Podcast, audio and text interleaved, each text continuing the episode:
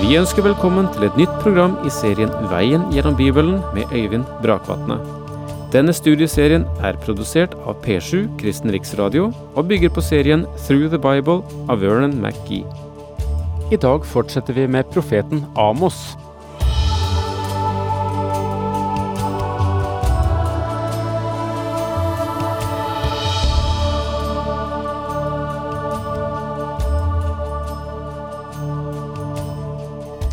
I det fjerde kapittel i Amos-boken har eh, Amos beskrevet hvordan eh, Gud tuktet israelsfolket i fortiden. Da skjønte de ikke, eller aksepterte ikke, at det var Gud som var etter dem og ville si dem noe gjennom vanskelighetene som møtte dem. Men så vender Amos seg til nåtiden og fremtiden og sier til Israels folk, men, men skjønner dere Gud nå? Skjønner dere at han fremdeles taler, at det er noe han vil? Og det gjør han også ved å åpne det femte kapittel med å vise at Herren fremdeles kaller på mennesker. Søk meg, så skal dere leve. Det er det som, som ringer gjennom hele første delen av dette kapitlet. Men så går han tilbake igjen her til å fortelle at eh, den ondskapen som førte til at dere ble tuktet i fortiden, den har dere ikke verken grodd ut fra eller vendt dere fra. Den er den samme nå. Dere står i den samme situasjonen, hva vil dere gjøre med den? Og Nå går vi inn igjen i eh, vers syv i kapittel fem i Amos-boken, der vi stoppet sist. De gjør retten om til malurt og kaster rettferdigheten til jorden. Dette, sammen, dette, verset henger sammen med det foregående, la oss ta det med oss, og søk Herren, så skal dere leve. Ellers kommer Hans ild over Josef, Josefs ett, den fortærer, og i Betel er det ingen til å slokke. De gjør retten om til malurt og kaster rettferdigheten til jorden. Og dette uttrykker igjen den hulhet som folkets gudstjeneste hadde. Min venn, om du eller jeg gjør et nummer av å stole på Kristus, og i vårt liv utenfor kirkerom eller bedehus ikke anbefaler dette evangelium, så er det bare ett ord som dekker det. Det er et hardt ord, men det er Jesus som brukte dette ordet mer enn noen annen. Han kalte de religiøse lederne i sin samtid for dere hyklere. Det er hans ord for den situasjonen. Det er ikke noe jeg har funnet på. Og dette skader evangeliets sak mer enn mangt annet også i dag. Amos fordømmer tanken om å holde fast ved en bekjennelse, men ikke leve opp til den. Dette var det grunnleggende i hans budskap. Og merk deg at Gud måtte bringe Amos helt fra sydenden i riket og helt nord for å ha en mann på stedet som var modig nok og ydmyk nok til å bringe et sant budskap. De betalte predikantene der oppe i Betel og Samaria sa bare det folket ønsket at de skulle si. Det er noe feil, mine venner, når en prekestol bare blir en gjenklang av det som en menighet tenker.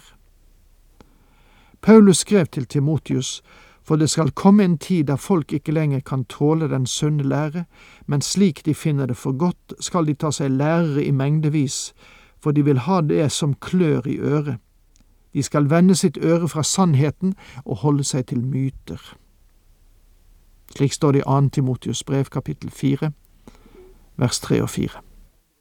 Menneskers ører klør etter å høre noe søtt og hyggelig, og de kan klappe en predikant på skulderen og fortelle ham hvor søt han er, så lenge at han blir udugelig til å bære fram det budskap som han mest av alt burde lytte til.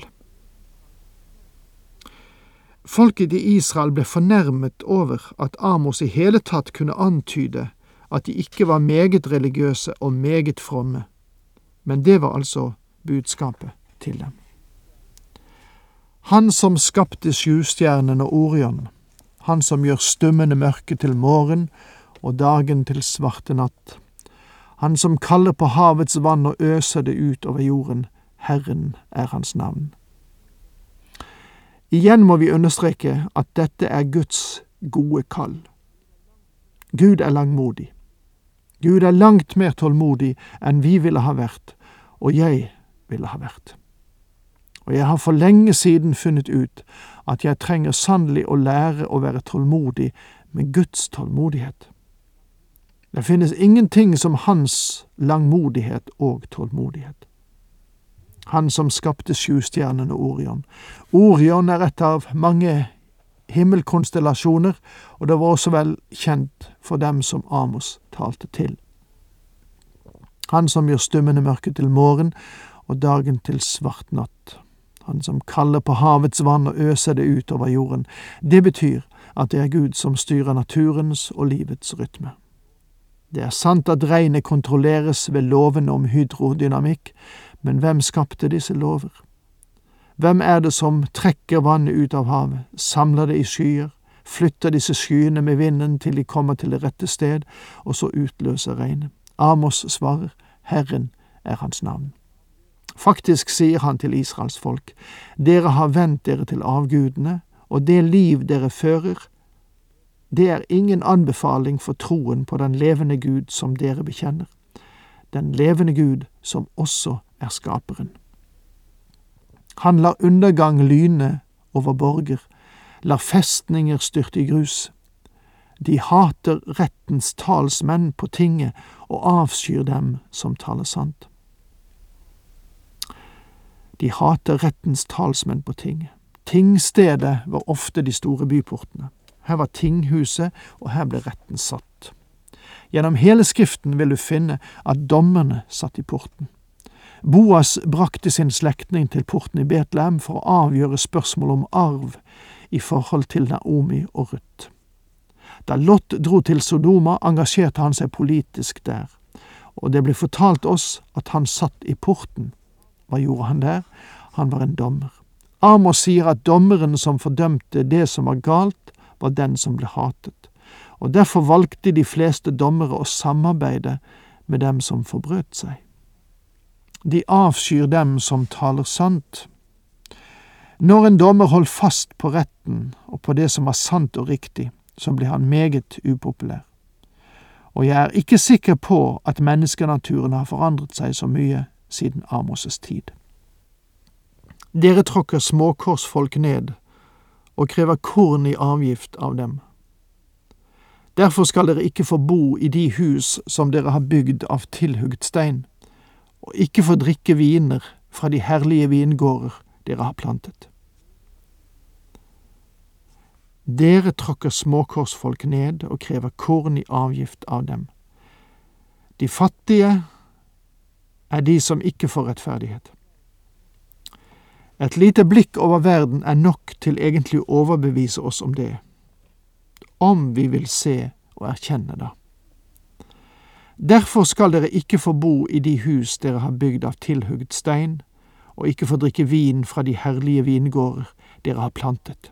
De vakre palassene som ble bygd i Samaria, ligger i ruiner i dag. De ble ødelagt kort tid etter at dette budskapet ble forkynt, og de har ligget i ruiner nå i nesten 3000 år. For jeg kjenner de mange overtredelser og de tallrike synder dere har gjort dere som forfølger uskyldige folk, tar imot bestikkelser og driver fattigfolk bort fra retten. De fattige fikk ikke sin rett i datidens rettssystem. Har det endret seg i dag? Den fattige, når han kjennes skyldig, har ingen sjanse til å komme unna straffen. Den rike kan fortsette å anke sin sak, og det tar lang tid før han eventuelt skal sone. Faktisk er at mange ganger unnslipper de det som er en åpenbar forseelse. Gud legger merke til når det ikke er rettferdighet i et folk. Gud har gitt lovlige myndigheter stort ansvar i å administrere denne jord. Folkeslagene på jorden er Guds gjerning, og han holder ansvarlige myndigheter ansvarlig. Når de svikter, fjerner han dem, som Rom ble fjernet fra historiens scene. Derfor tier den kloke i denne tid, for det er en ond tid. Med andre ord visste en mann på den tid at han ikke kunne vinne fram i en rettferdig sak, mange gode mennesker forholdt seg derfor tause. Det var det klokeste å gjøre, for eh, om man hadde prøvd å protestere, så hadde det ikke innvirket på saken. Vår tids tragedie er at vi taler om pressefrihet, religionsfrihet og talefrihet, men disse friheter er på mange måter begrenset. Nyhetsmediene er avgjort blitt et instrument for hjernevask mer enn en forvaltning av et balansert nyhetsbilde. Og som et resultat av det har vi en ganske stor taus gruppe i samfunnet, for de vet at deres stemme ikke ville bety noe i hele tatt. Vi nærmer oss den situasjonen som Israel var kommet i. Søk det gode og ikke det onde, så dere kan få leve. Da skal Herren allherrs Gud være med dere, som dere sier. Igjen kaller Herren på Israel for at de skal venne seg til ham. Hat det onde og elsk det gode. Hold retten høyt på tinget, så vil kanskje Herren allherrs Gud være nådig mot Josefs ett. Dette er et grunnlag for et demokratisk samfunnsforhold skal kunne fungere riktig. Demokratiet har også sin bakside, og den øker om ikke den innbygde rettsbevissthet i folket fungerer så vil kanskje Herren allherrs Gud være nådig mot Josefs rest. Med andre ord, sier Amos, det finnes en liten sjanse, men det er i alle fall et håp. Nå beveger Amos seg inn på et nytt område, en advarsel som går på den kommende dom på Herrens dag. Derfor sier Herren, Herren allherrs Gud, på alle plasser skal likklage lyde, i alle gater skal de rope ved de skal kalle bonden til sørgehøytid, sende bud på folk som kan gråte og klage. I alle vingårder skal de jamre når jeg skrider fram iblant dere, sier Herren. Fordi Gud visste at de ikke ville gjøre bot, så bekrefter han nå klart at dommen vil komme. Døden vil komme til å røre ved alle. Alle vil sørge. Alle vil få erfare konsekvensene av den trend som finnes i folket, nemlig å vende seg bort fra Herren. Og med det må vi si takk for nå, Herren med deg.